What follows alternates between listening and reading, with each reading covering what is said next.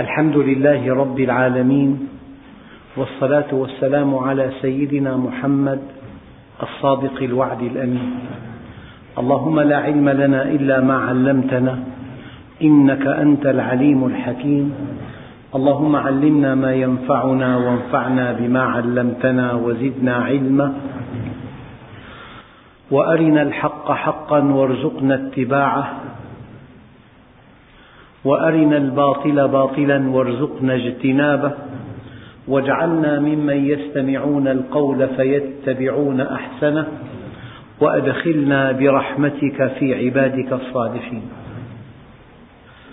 أيها الإخوة المؤمنون مع الدرس السابع عشر من دروس سورة آل عمران ومع الآية الرابعة والخمسين وهي قوله تعالى ومكروا ومكر الله والله خير الماكرين. الإنسان بضعف إيمانه يدبر تدبيرا ليحبط الحق أو ليطفئ نور الله عز وجل. لضعف إيمانه يظن أنه مستطيع أن يفعل شيئا وأن يلغي حجة وأن يطفئ نورا وأن يضل الناس. غاب عن هذا الساذج غاب عن هذا الإنسان الجاهل أن الله سبحانه وتعالى متم نوره ولو كره الكافرون. لو أن واحدا منا أيها الإخوة أو لو أن واحدا من بني البشر وقف وتوجه نحو أشعة الشمس ونفخ نفخة بكل ما أوتي من قوة. ليطفئ لهيبها. أين مكانه؟ في مستشفى المجانين. لا يستطيع إنسان على سطح الأرض أن ينفخ نفخة فيطفئ بها نور الشمس. يريدون ليطفئوا نور الله بأفواههم ويأبى الله إلا أن يتم نوره. لذلك قالوا ما ضر السحاب نبح الكلاب؟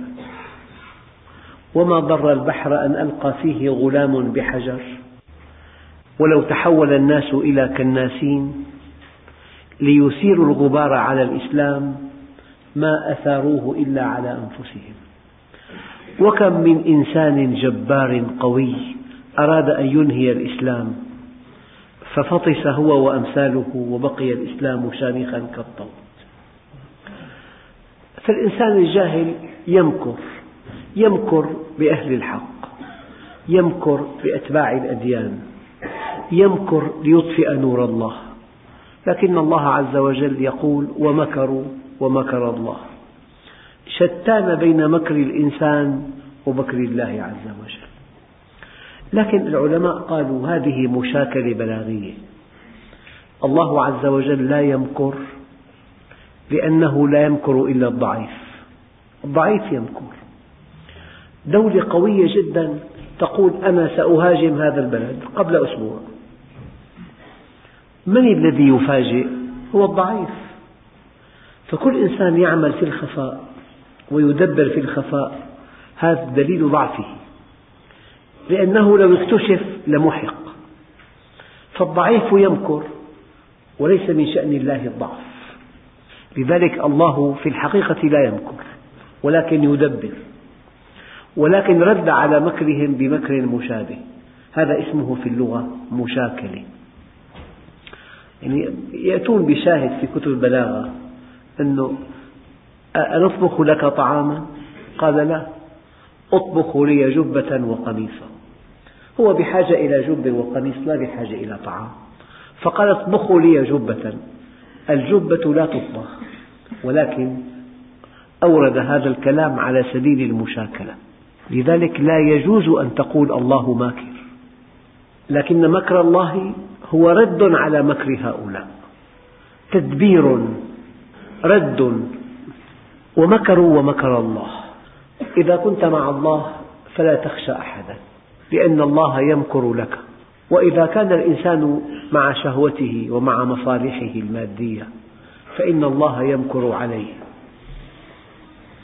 وشتان بين أن يكون الله معك يمكر لك وبين أن يكون عليك فيمكر عليك. أنت ضعيف لا تقوى على فعل شيء. لكن المؤمن بطاعته لله واستسلامه له وتوحيده إياه يمكر الله له. كن عن همومك معرضا وكل الأمور إلى القضاء وابشر بخير عاجل تنسى به ما قد مضى فلرب أمر مسخط لك في عواقبه رضا ولربما ضاق المضيق ولربما اتسع الفضا. الله يفعل ما يشاء فلا تكن معترضا. الله عودك الجميل فقف على ما قد مضى أيها الإخوة البطولة أن نكون أهلا أن يدافع الله عنا. هنا البطولة أن نستحق أن يدافع الله عنا. أن نستحق أن يمكر الله لنا. الأمر بيد الله وحده. يعني مثل بسيط. لو أن حاجزا ضخما بين فريقين. الأول يمكر ولكن الله يرى مكر الطرف الآخر. فيلهم الطرف الأول أن يحبط مكره. أنت إن كنت مع الله الله مع كل الخلق فكل مكر مكره هؤلاء ينقل إليك. يعني مرة عمير بن وهب قتل ابنه في بدر ففي ساعة شجن وألم قال لصفوان بن أمية لولا أولاد أخشى عليهم العنة من بعدي ولولا ديون ما أطيق سدادها لذهبت وقتلت محمدا وأرحتكم منه. قال هذا الكلام لصفوان بن أمية ولا يعلم أحد إلا هذين الرجلين. في فلات. فقال له صفوان أما أولادك فهم أولادي ما امتد بهم العمر وأما ديونك فهي علي بلغت ما بلغت فامضي إلى ما أردت. فسقى سيفه سما وانتقل إلى المدينة مغطى بحجة أنه جاء ليفدي ابنه الأسير. في المدينة رآه عمر رضي الله عنه قال هذا عدو الله جاء يريد شرا. قيده بحمالة سيفه وساقه إلى النبي عليه الصلاة والسلام. قال له هذا عدو الله جاء يريد شرا. قال له يا عمر أطلقه. فأطلقه. ابتعد عنه ابتعد عنه. قال له أد مني يا عمير دنا منه. قال له ما الذي جاء بك إلينا? قال له جئت أفدي ابني. قال له وهذه السيف التي على عاتقك. قال له قاتلها الله من سيوف. وهل نفعتنا يوم بدر? قال له يا عمير ألم تقل لصفوان لولا ديون ركبتني ما أطيق سدادها؟ ألم تقل لصفوان لولا أولاد أخشى عليهم العنة من بعدي لذهبت وقتلت محمدا وأرحتكم منه. هذا مثل. يعني مؤامرة تمت على النبي عليه الصلاة والسلام. ما دام الله مكر أطلعه عليها. هذا حاطب ابن بلتعة الذي أرسل كتابا إلى قريش إن محمدا سيغزوكم فخذوا حذركم. أطلع الله النبي على هذا الكتاب. فأرسل صحابيين جليلين أخذاه من امرأة في موقع اسمه الروضة بين مكة والمدينة وجيء بحاطب وسئل. مرة أراد اليهود أن يقتلوا النبي عليه الصلاة والسلام. كان جالس في مكان فصعدوا إلى سطح الدار ليلقون عليه صخرة يموت فيها. أطلعه الله. هي حالات طبعا حالات حادة مع نبي كريم. أما أنت قد تلهم أن تذهب من طريق تحبط به خطة أعدائك. فإذا كنت مع الله كان الله معك وإذا كان الله معك فمن عليك. من يستطيع أن يدنو منك إذا كان الله معك؟ لكن كل بطولتك أن تستحق أن يمكر الله لك. أن تستحق أن يدافع الله عنك. وأنت من عباد الله. شأن أي عبد؟ تتمايز عند الله بالتقوى والطاعة. إن أكرمكم عند الله أتقاكم. لا أنسى كلمة قالها سيدنا عمر لسيدنا سعد. سيدنا سعد كان خال النبي عليه الصلاة والسلام. كان إذا دخل عليه يداعبه يقول أروني خالا مثل خالي هذا خالي. يعني النبي الكريم سيد الخلق يداعب صحابي. ما قال لأحد في حياته ارمي سعد فداك أبي وأمي إلا بسعد. يا سعد فداك أبي وأمي هذه مقولة النبي. فخاطب سعد فقال ارمي سعد فداك أبي وأمي. قال هذا خالي أروني خالا مثل خالي. فمرة قال سيدنا عمر لسيدنا سعد يا سعد لا يغرنك أنه قد قيل خال رسول الله. فالخلق كلهم عند الله سواسية. ليس بينه وبينهم قرابة إلا طاعتهم له. كل بطولتك أن تستحق أن يمكر الله لك. أما مهما كنت قويا مهما كنت ذكيا مهما كنت غنيا مهما تكن لك علاقات متينة جدا شبكة علاقات مع أقوياء هذه كلها لا تنفعك. إذا أراد الله أن يمكر بك. أبدا. لا ينفع ذا الجد منه الجد. يؤتى الحذر من مأمنه. لا يحميك من الله إلا أن تكون مطيعا له فقط. لا ملجأ منه إلا إليه. أن يستحق مؤمن أن يمكر الله له معنى مطيع مخلص مستقيم. وكل إنسان جاهل وساذج وغبي يظن أن بإمكانه أن يكيد لأهل الحق. إياك ثم إياك ثم إياك أن تكون في خندق معاد للمؤمنين. لأن الله ولي الذين آمنوا. يعني أحيانا إنسان يخشى خصمه لأن وراءه قوة كبيرة. قد تخشى شرطيا لأن وراءه دولة. طبعا. قد تخشى دولة صغيرة لأن وراءها دولة كبيرة. فأنت لا تنظر إلى الخصم انظر إلى من وراءه. نقطة مهمة جدا. إن تتوبا إلى الله فقد صغت قلوبكما وإن تظاهرا عليه فإن الله هو مولاه. وجبريل وصالح المؤمنين والملائكة بعد ذلك ظهير. ألا يكفيك قول الله عز وجل إن الله يدافع عن الذين آمنوا؟ ادفع ثمنه. ثمن أن يدافع الله عنك أن تكون مطيعا له مخلصا في طاعتك فقط. أن تكون من أوليائه لأن الله ولي الذين آمنوا. يخرجهم من الظلمات إلى النور. والذين كفروا أولياؤهم الطاغوت. إذا ومكروا ومكر الله. دائما يقول الله عز وجل وهو معكم أينما كنتم معية عامة معكم بعلمه إلا في آيات قليلة يقول إن الله مع المؤمنين إن الله مع المتقين إن الله مع الصابرين إن الله مع المحسنين.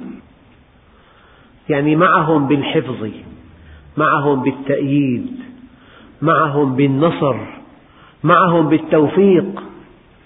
هذا الدعم الذي لا حدود له أن يكون خالق الكون معك.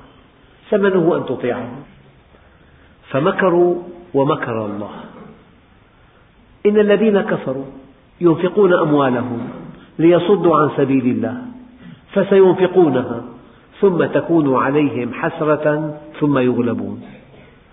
قل للذين كفروا ستغلبون. أضرب أنا بعض الأمثلة للتوضيح في لعبة السيارات الكهربائية قد تجد معركة بين مجموعتين. أما الذي بيده قطع التيار الكهربائي بحركة يسيرة يوقف هذه المعركة كلها. يعني مثلا قد تجد آلة ضخمة تحمل عشرات الأطنان من الحديد على أساس مغناطيس كهربائي فالعامل بضغطة لا تزيد عن ربع مليمتر إذا قطعت هذه الضغطة الكهرباء تسقط كل هذه الأحمال. عند الله عز وجل ضربة واحدة. أحيانا الكافر يؤتى من مأمنه.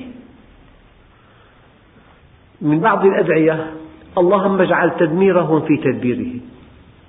يدبر ويفكر ويتأمل ويبحث ويدرس ويجمع ويضرب.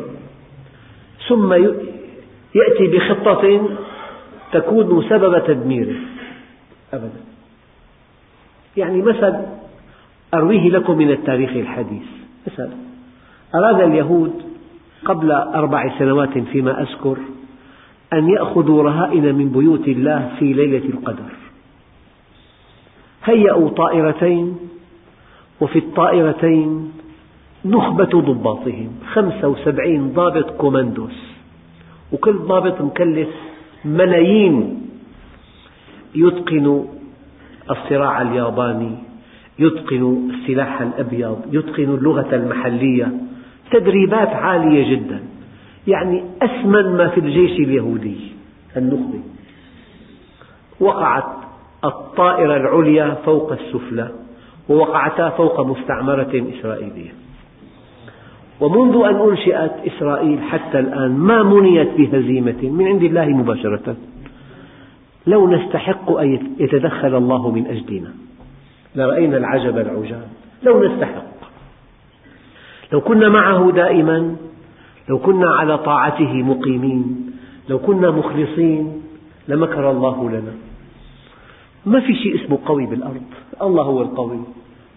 يعني الطرف الآخر قد يكون معه قنابل ذرية. قد يكون معه أشياء مذهلة. مركبة فضائية. يعني تعد تحدي.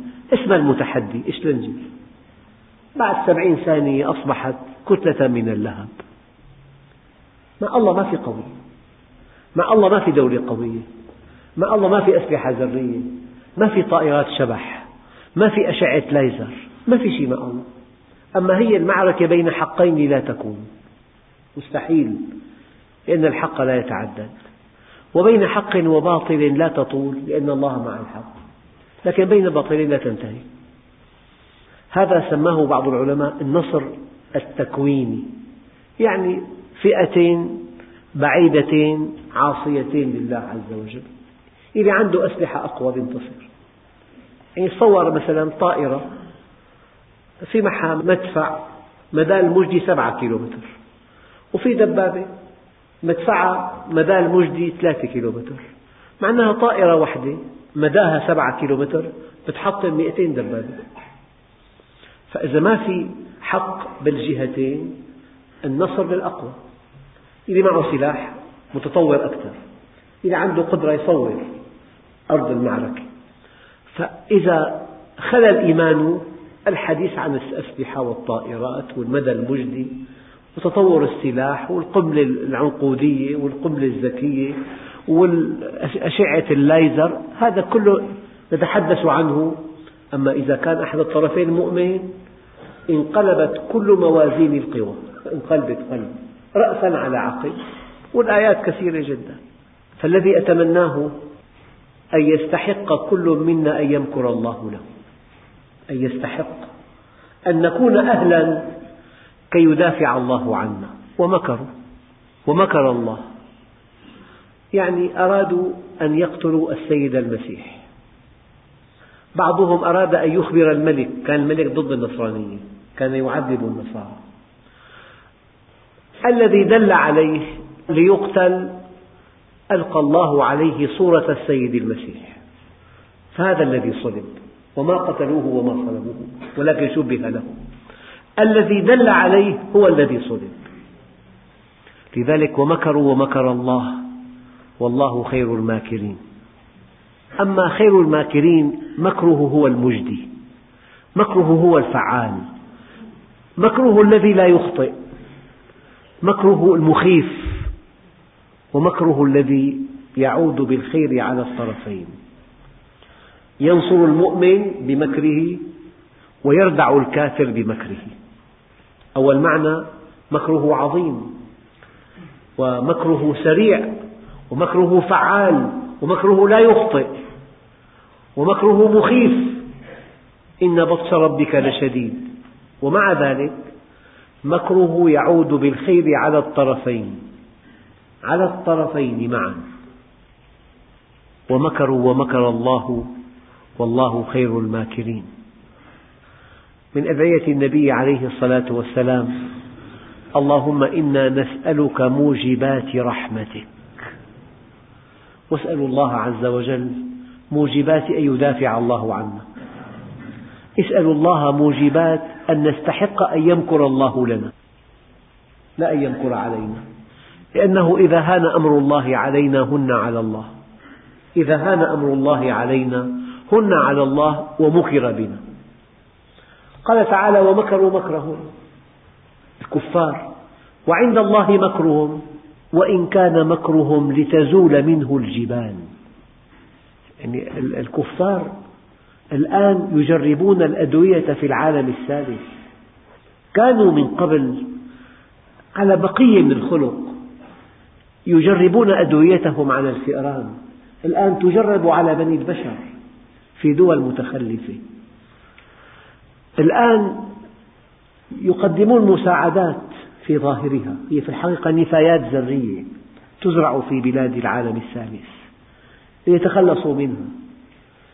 ومكروا مكرهم وعند الله مكرهم وإن كان مكرهم لتزول منه الجبال يخططون لإفقار المسلمين لإيقاع الفرقة بينهم لتشتيتهم لتدميرهم. ومكروا مكرهم وعند الله مكرهم وإن كان مكرهم لتزول منه الجبال. لتزول منه الجبال. كلام الله.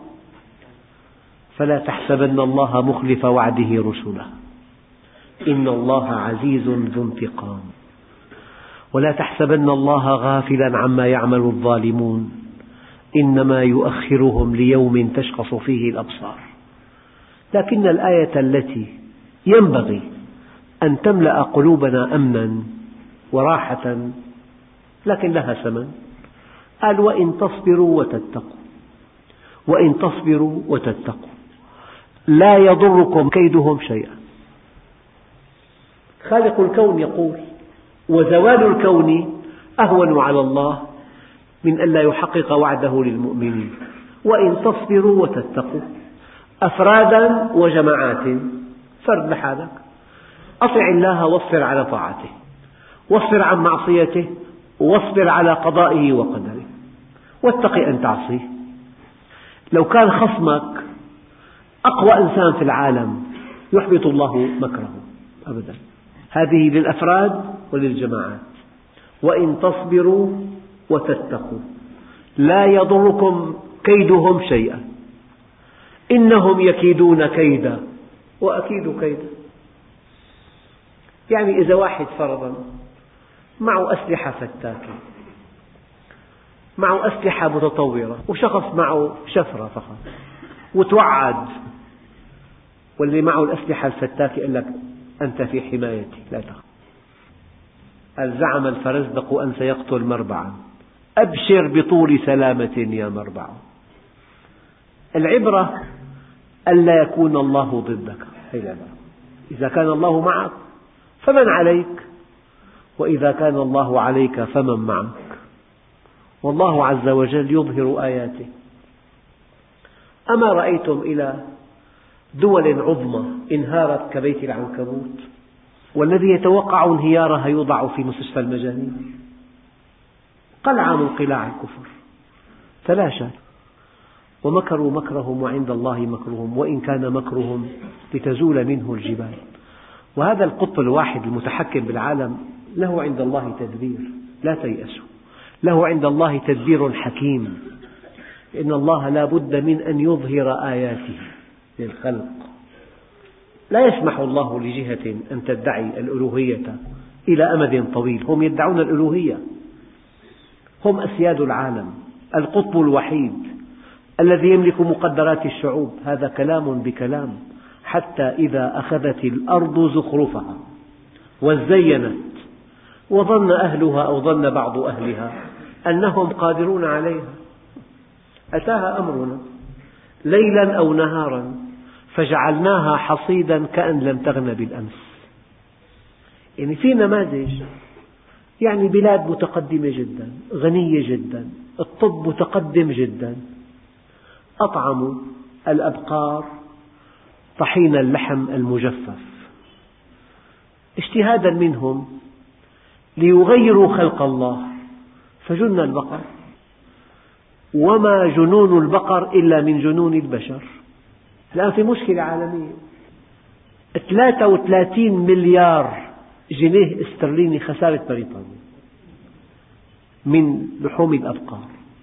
هم مضطرون أن يحرقوا 13 مليون بقرة. الأسواق كلها أصبحت مغلقة أمامهم. من جاء بهذا المرض؟ ممكن. مهما